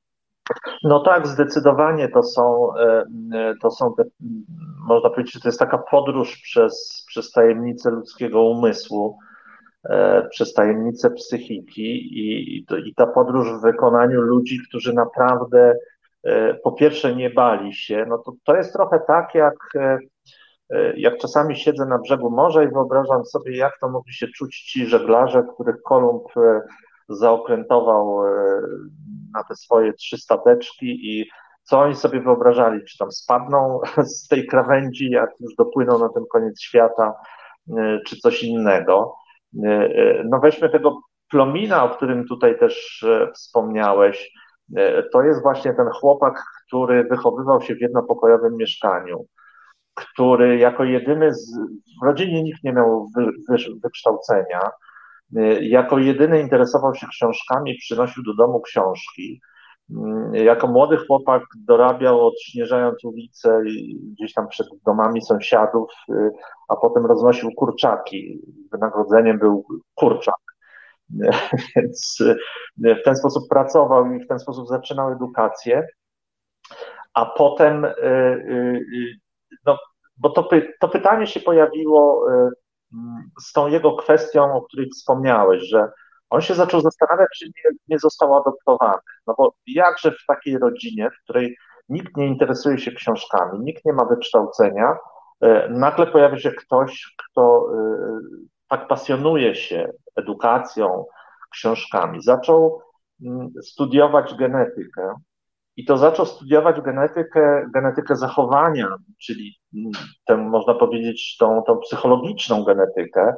Zaczął studiować ją w czasie, kiedy wszyscy właściwie, cała psychologia, wszyscy psychologowie byli przekonani, że człowiek to jest tabula rasa, że mm, w zasadzie wszystko, czym jesteśmy, kształtuje środowisko od wczesnego dzieciństwa aż po dorosłość. Proszę zwrócić też uwagę, że no ten okres behawioryzmu i nawet później w psychologii, y, nawet teraz, to większość badań, które my robimy w psychologii, jest poświęcona temu, w jaki sposób otoczenie na nas wpływa i modyfikuje nasze zachowanie. Tymczasem Plomin odkrył, y, że mniej więcej połowa tego wszystkiego tkwi wewnątrz, w naszych genach. E, I tak jak e, mówi w rozmowie ze mną, on czekał z opublikowaniem swojej książki 30 lat dokładnie. Dlatego, że. E, A no właśnie, jak... bo, się, bo się bał jak Kopernik trochę, tak? Tak, tak. No on, powiedział, on dosłownie, tak, dosłownie w rozmowie ze mną powiedział, że zostałby ukrzyżowany. Nawet sugestie podczas konferencji E, psychologicznych, sugestie, że coś, jakieś zachowanie może wynikać z genetyki, e, było bardzo niemile widziane i kończyło się ostracyzmem. E, więc można powiedzieć, że on 30 lat działał w ukryciu, żeby w końcu ujawnić to, co, to, co odkrywał. Zresztą w niesamowity sposób też to robi, bo pokazuje, że badania genetyczne mogą być takim narzędziem w edukacji, w e, ochronie zdrowia, w leczeniu, w zapobieganiu chorób itd. Tak itd. E, no bo wystarczy, e, wystarczy odrobina śliny, badanie DNA i cała ta wiedza, którą mamy, i w tej chwili bardzo dużo możemy powiedzieć na temat człowieka. Tak jak mówię, no, oczywiście bardzo zgrubnie i bardzo w dużym przybliżeniu, bo to różne aspekty naszego zachowania są różnie determinowane, ale mniej więcej to 50%, połowa tego, co robimy, w jaki sposób robimy, e, jakie mamy zdolności, w których kierunkach się realizujemy, e, to mniej więcej połowa tego jest zdeterminowana genetycznie. I w tej chwili można się o tym dowiedzieć. E, nie wiem, ile analiza kosztuje, chyba 150 euro w tej chwili naszego DNA, w którym można przeczytać te predyspozycje. Plomin e, zresztą mówi bardzo ciekawie też o edukacji. On mówi w ten sposób, że my powinniśmy kształcić nasze dzieci na podstawie analizy ich DNA, w DNA widać, czy te dzieci będą miały problem z matematyką, i na przykład e, płynność językową bardzo dużą, czy może odwrotnie, czy będą e, uzdolnione muzycznie, a niekoniecznie plastycznie. I on mówi tak, no, mając DNA, my powinniśmy się skoncentrować na słabościach tych dzieci, żeby dociągnąć je do takiego minimum, e, ale jednocześnie nie próbować zrobić z nich kogoś, mm, do czego nie mają predyspozycji. Tak jak to na przykład często rodzice sobie wyobrażą, że e, e, dziecko będzie wirtuozem, spędza większość tygodnia ćwicząc na tych skrzypcach nieszczęsnych czy na jakimś innym instrumencie, gdy tymczasem w genach niestety nie ma w ogóle podstaw do tego, żeby to dziecko e, miało jakiekolwiek szanse powodzenia w takim kierunku. Więc on pokazuje tutaj no, świat zupełnie innymi oczami, świat, który możemy szybciej zrozumieć i ukierunkować człowieka właśnie w edukacji czy w zapobieganiu chorobom różnego rodzaju y, na najwcześniejszym etapie. A to wszystko możliwe dzięki, dzięki wynikom jego badań. Y, to jest y, bardzo ciekawe spostrzeżenie dotyczące w zasadzie E, sposobu, jak powinniśmy żyć w szerokim sensie tego słowa, prawda? Zarówno edukować, jak i kształtować swoją karierę i tak dalej. E, I jak ja czytałem te wywiady i szczególnie te Twoje opisy, to w zasadzie miałem takie ciekawe wrażenie, że no, poznajemy dzięki tym ludziom i dzięki tobie, no bo ty ich nam przybliżasz, no bo normalny człowiek przecież nie czyta tych wszystkich naukowych prac, tak? One albo są niedostępne, trzeba zapłacić, albo są za trudne, albo cokolwiek, tak? Natomiast jak ma się taką książkę jak twoja, no, która jest książką popularno-naukową, tak? Ale popularyzatorską, to y, widzimy, jak y, wiele y, mitów, jak wiele takich rozmaitych przekonań, które funkcjonują, funkcjonują społecznie, jest oparte na pewnej fałszywej tradycji, no takiej, że się przyzwyczailiśmy, że tak jest, że tak nas nauczono. E, dzisiaj może przez to, że jest taki kryzys we wszystkim, to w zasadzie zaczynamy w ogóle we wszystko wątpić, także w naukę niestety, e, bo, bo, bo i autorytety, i dotychczasowe jakieś twierdzenia stają się w ogóle nieaktualne. Tak? E, ja pamiętam, jak był zdziwiony Roman Polański, jak wybuchła wojna chyba między e, dwoma państwami komunistycznymi w Azji, to było w latach 70 czy 80. dawno, dawno temu, że to w ogóle niemożliwe, bo to te państwa, i pamiętam w jakimś wywiadzie on o tym mówił. Dzisiaj to, że e, Rosjanie w imię, e, bo ja wiem, braterstwa atakują Ukrainę i mordują Ukraińców, e, to, to jest tragiczne, dramatyczne, ale zarazem jakieś groteskowo śmieszne, tak? Bo to, to są jakieś bzdury straszliwe i e, e, nasze przekonania, że tutaj może istnieć pewnego rodzaju jakaś taka solidarność, wspólnota, humanistyczne wartości, to to wszystko pęka, tak? Ale z drugiej strony, ja myślę, że w tej Twojej książce jest taki mm, powiew optymizmu. To znaczy, że na tym wzburzonym morzu i tych, tych takich falach, gdzie jest mnóstwo śmieci, bo to tak jak taka wielka powódź, e, ci, ci, ci wielcy, za którymi Ty e, idziesz, to oni jakoś nam próbują pokazywać, a jednak tam może być wysepka, na której możemy stanąć i, i, i coś zrozumieć. Czy zgodzisz się z tym, że, że, że są takie latarnie morskie mimo całego tego chaosu? No y, y, tak, zgodzę się co, co do reguły, co do zasady tak. Natomiast y, no tu wspomniałeś już chyba drugi raz wojnę w Ukrainie i no trudno przed tym mówiąc, to jest wiesz, no tak, tak. Mordują mówiąc, naszych sąsiadów. Tak, ja jestem, e, no jak gdyby pogrążyłem się w pesymizmie z, po wybuchu tej wojny. Książkę nie tylko z samego wcześniej. Y, y, no tak, tak, ona się ukazała w 2020, więc y, jeszcze przed pandemią, więc nawet o, o pandemii z tymi ludźmi nie rozmawiałem. E, mówię o angielskojęzycznej e, wersji. Natomiast, no, znając historię psychologii, e, ci psychologowie byli często uwikłani w różne działania też polityczne to y, z przerażeniem y, obserwuję, że w tej chwili politycy w ogóle nie korzystają z usług ludzi wykształconych i mądrych, czy prawie w ogóle. Y, kiedy była zimna wojna, to takie osobowości jak John Nash czy von Neumann, matematycy, specjaliści od teorii gier, również psychologowie, byli zaangażowani do tego, żeby aktywnie opracowywać strategie, na przykład strategie zbrojeń. To było w oparciu o teorie matematyczne tworzone. E, ja się tego uczyłem i studiowałem to później, w jaki sposób to.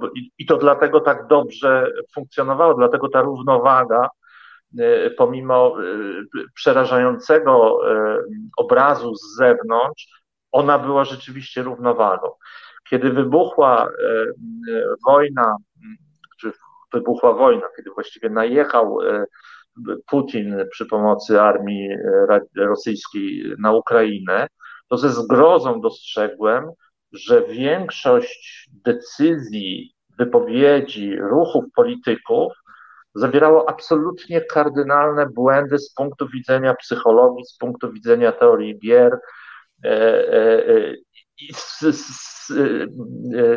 no, w ogóle nie uwzględniając wiedzy, która już w latach 50., 60. była wykorzystywana e, w tym celu.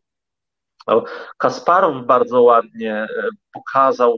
E, Ten szachowy arcymistrz, swoich... który stał się działaczem, prawda? To o tym mówisz. Tak, tak. On, on bardzo ładnie pokazał psychologię Putina i to, co należy zrobić właśnie w zgodzie z teorią gier, z wiedzą taką matematyczną wręcz wiedzą, nie tylko psychologiczną.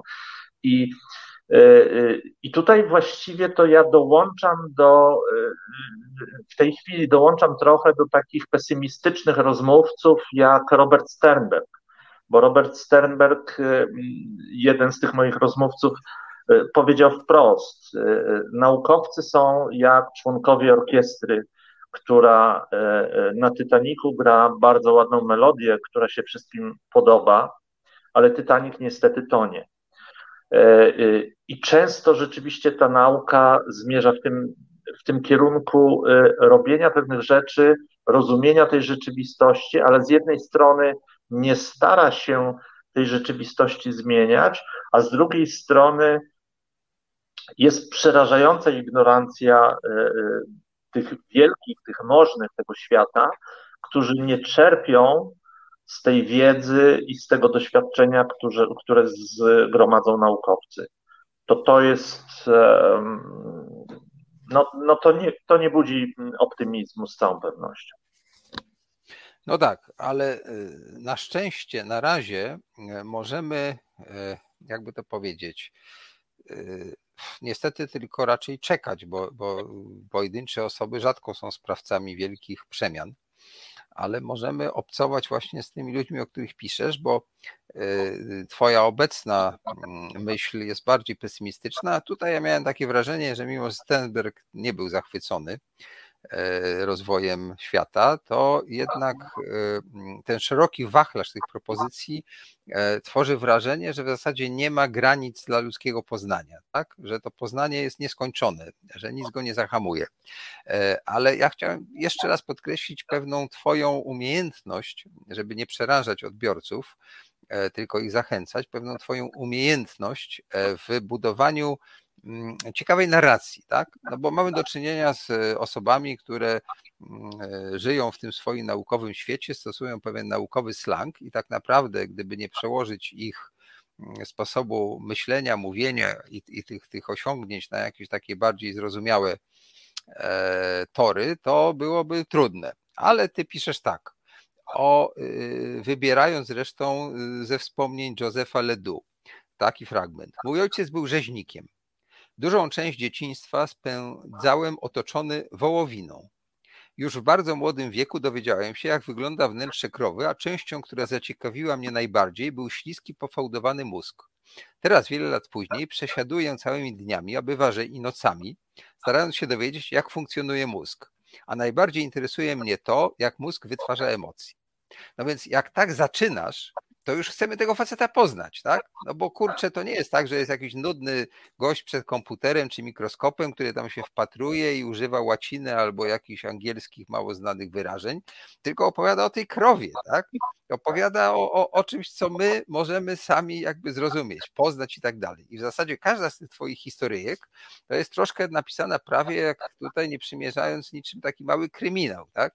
Że, że, że, a przynajmniej taki lekki thriller, tak? że coś jest emocjonującego e, w życiu człowieka i tylko trzeba wziąć odpowiednie narzędzie, taki skalpel, żeby się dobrać do, do tego kawałka.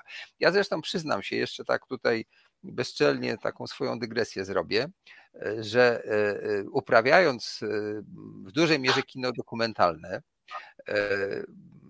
sam trochę odkryłem, a niektórzy, co znają moje filmy, mi to mówią, że jak ja obserwuję bohaterów, to w zasadzie kogo bym nie obserwował, a może takich właśnie wybieram, to zawsze do, do, do, dochodzę do jakiejś takiej dosyć niezwykłej e, e, sprawy, tak? I, I coraz bardziej się zastanawiam nad tym, czy ja tak rzeczywiście wybieram, czy też jak dobrze pogrzebać w umyśle człowieka, to w każdym u nas tkwi tam ta jakaś straszliwa tajemnica, czasem fascynująca, czasem e, tragiczna, tylko trzeba tego haczyka, tak? Że trzeba tym haczykiem tak jak gdyby to wydobyć. Więc ty to umiesz, tak? Przynajmniej z, ty, z tymi ludźmi. To teraz, jak ci tak troszkę posłodziłem, to powiedz, co było najtrudniejsze? E, to jednocześnie najtrudniejsze i naj, najbardziej jak gdyby wciągające, pociągające, bo ja stanąłem przed takim dużym dylematem na początku. E, no bo tak, e, mam umówione spotkanie z laureatem Nagrody Nobla. Akurat on w dziedzinie ekonomii dostał, ale za badania psychologiczne, mówię o Kahnemanie. No i teraz mam, mam do dyspozycji dwie godziny i muszę zdecydować, o czym z nim rozmawiać. No to jeszcze nie byłoby najtrudniejsze, ale e, zdaję sobie sprawę, że tak, większość czytelników nie wie, czym on się zajmuje.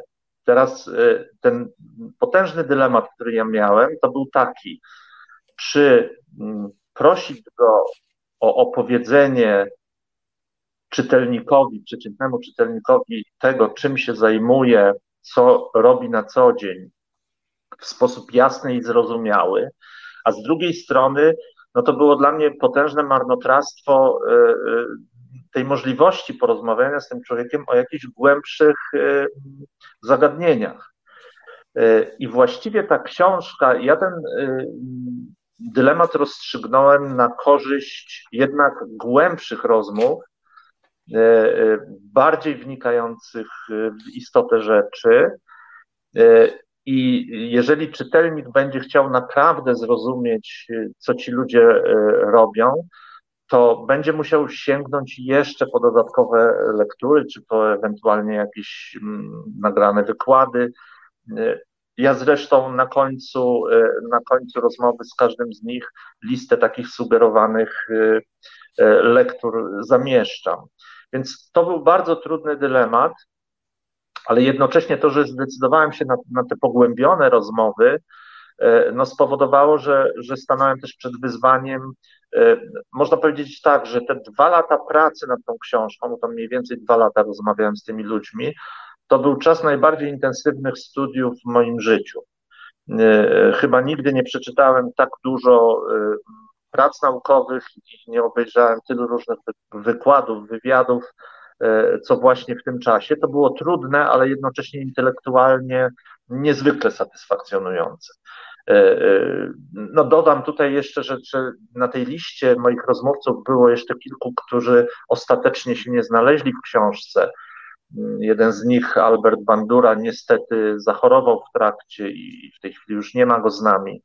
Zresztą dwóch innych już też e, nie ma e, obecnie, e, ale też termin mnie z wydawcą gonił, więc nie, nie ze wszystkimi udało się tam do, dopasować termin, więc te studia jeszcze były szersze niż to, co widać w tej książce. Więc to rzeczywiście była i trudność, i taka nagroda też za pracę nad tą, nad tą książką. No to teraz mała nagroda dla Ciebie, mianowicie znowu fragment muzyczny, żebyś chwilę odpoczął i przygotował się do podsumowania naszej rozmowy. Michale, prosimy o muzykę. Kawa w kawiarni kosztuje Cię więcej niż miesięczne wsparcie resetu. Prosty wybór, prawda? Wejdź na resetobywatelski.pl i kliknij w Obywateluj z nami. Zostało nam kilka minut. Gościmy dzisiaj Tomasza Witkowskiego, autora monumentalnej pracy pod tytułem Giganci psychologii. On właśnie to jest ten gruby tom, e, gdzie możemy znaleźć wywiady, ale nie tylko wywiady, ponieważ tam są takie opisy tych e, wielkich psychologów i to takie soczyste, w zasadzie się to czyta jak takie krótkie nowelki, a potem w dodatku e, po cichu nam autor wywiadów jeszcze podaje bibliografię, że jak kogoś coś zainteresuje, to może sięgnąć dalej. W zasadzie może spędzić rok albo dwa studiując e, e, dorobek i, i rozmaite aspekty prac psychologów. Więc to jest taki wirus, on się rozprzestrzenia. To jest coś w rodzaju takiej, no może nie jakiejś straszliwej choroby, ale takiej choroby, która powoduje, że rozpala się ciekawość i potem trudno ją zgasić. I teraz tak, została nam chwila, e, żebyśmy sobie powiedzieli, e, no, co z tego wszystkiego wynika. Bo na przykład ja sięgnąłem teraz, to może szybko przeczytam, e, co powiedział laureat Nagrody Nobla. Nie wierzę w przewidywanie, ponieważ ono po prostu się nie sprawdza. I nie jest to rodzaj uprawianych przeze mnie ćwiczeń. Naprawdę sądzę, że przyszłość jest całkowicie nieprzewidywalna. A w związku z tym mamy bardzo krótki horyzont czasowy, no bo żyjemy krótko, prawda, w stosunku do ludzkości i tak dalej. Są ludzie posiadający plany długoterminowe. E, Pan Bóg się śmieje, tak jak słyszy o tych naszych planach, tak mówią ludzie religijni. I są tendencje, które chciałbym obserwować, jeżeli pożyję wystarczająco długo. Jestem szczególnie zainteresowany tym, co będzie działo się w obszarze sztucznej inteligencji co jest bardzo ciekawe, to podkreślam, sztucznej inteligencji o wiele bardziej niż myśli psychologicznej. Doświadczenia w obszarze przewidywań sugerują, aby na nich nie polegać. Czyli po tym moim wstępie w zasadzie trudno oczekiwać od ciebie, że powiesz, co będzie w przyszłości, ponieważ laureat Nagrody Nobla powiedział, że to jest idiotyczne, żeby przewidywać coś, czego nie możemy przewidzieć, a tak naprawdę ciekawsi od ludzi będą czy ciekawsze od ludzi będą działania sztucznej inteligencji. No ale co Twoim zdaniem? Masz na to e, dwie minuty, trzy minuty. Słucham. No to y, przewid- znaczy y, stosunek Kahnemana do przewidywania przyszłości nie jest odosobniony, bo większość moich rozmówców unikała o prognozowanie przyszłości, o proroctwa dotyczące nawet rozwoju ich dziedziny, czyli e, psychologii. Tak zresztą zachowują się ludzie racjonalni, bo zdają sobie sprawę z tego, że wydarzenia historyczne nie są podstawą do tego, żeby prognozować przyszłość Ona jest rzeczywiście, tak jak dostrzegł Kahneman, nieprzewidywalna. Natomiast z tych rozmów z, rysują się pewne wnioski, pewien ogólny obraz. Mianowicie jest on taki. W psychologii jest potężny potencjał i cały czas gromadzona jest wiedza, która może służyć ludziom, poprawiać ich dobrostan. Jednocześnie, jeżeli się zestawi to, co wiedzą ci moi rozmówcy, co odkryli, te kierunki tej awangardy naukowej, z tym, co oferuje obecnie rynek y, y, takich usług psychologicznych, czy psychobiznes, już mówiąc wprost, y, to to jest mniej więcej mm, przepaść jakichś 50 lat, tak lekko, lekko licząc. E, e, my cały czas mamy kontakt z tą ofertą, która nie nadąża za odkryciami psychologii, za tym, co się w psychologii dzieje.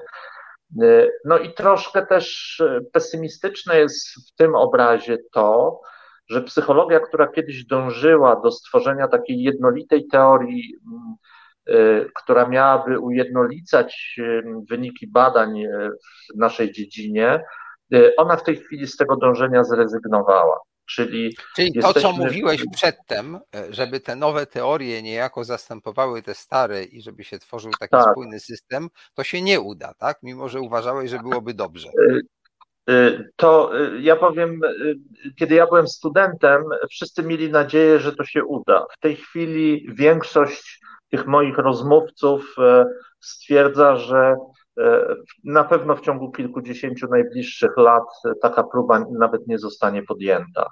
Więc można powiedzieć, że e, e, straciliśmy tę nadzieję, którą e, mieliśmy, a więc psychologia zostanie nauką o bardzo dużym potencjale, ale ten potencjał to, to nie będzie polegał na tym, że będziemy dążyć do scalenia tej wiedzy, do stworzenia takiego spójnego systemu, tylko dalej będziemy szukać w bardzo różnych kierunkach mm, mm, różnych odkryć, y, które mogą, mogą nam służyć. No właśnie, więc tak naprawdę y, na końcu chyba można powiedzieć, no coś, co jest takie dosyć oczywiste, ale jest banalne, jeśli tak się to rzuca. Po lekturze tej książki już jest mniej banalne, y, że troszeczkę więcej wiemy, czego nie wiemy. Może tak, prawda? Że, że, że, że, że to pole nie jest tak rozległe i tak wiele jest teorii, nie tylko dlatego, że nie umiemy ich składać do kupy, tylko dlatego, że te narzędzia są niedoskonałe i one muszą iść w różnych kierunkach, bo dopiero, że tak powiem, zaczynamy tak naprawdę badać te, te, te, te głębiny, tak? Że, że ten rozwój e, nauk w tym kierunku tak naprawdę jest stosunkowo świeżej daty. E, połączenie tych różnych dyscyplin i, i, i przecież stosuje się też techniki badania takie mm, związane z technologią, prawda? Czego kiedyś no, po prostu nie było, bo nie mieliśmy takich narzędzi. Więc myślę, że e, e, to nie jest koniec, to nawet nie jest środek, to jest chyba dopiero początek takiego jak gdyby procesu poznawania siebie, tak?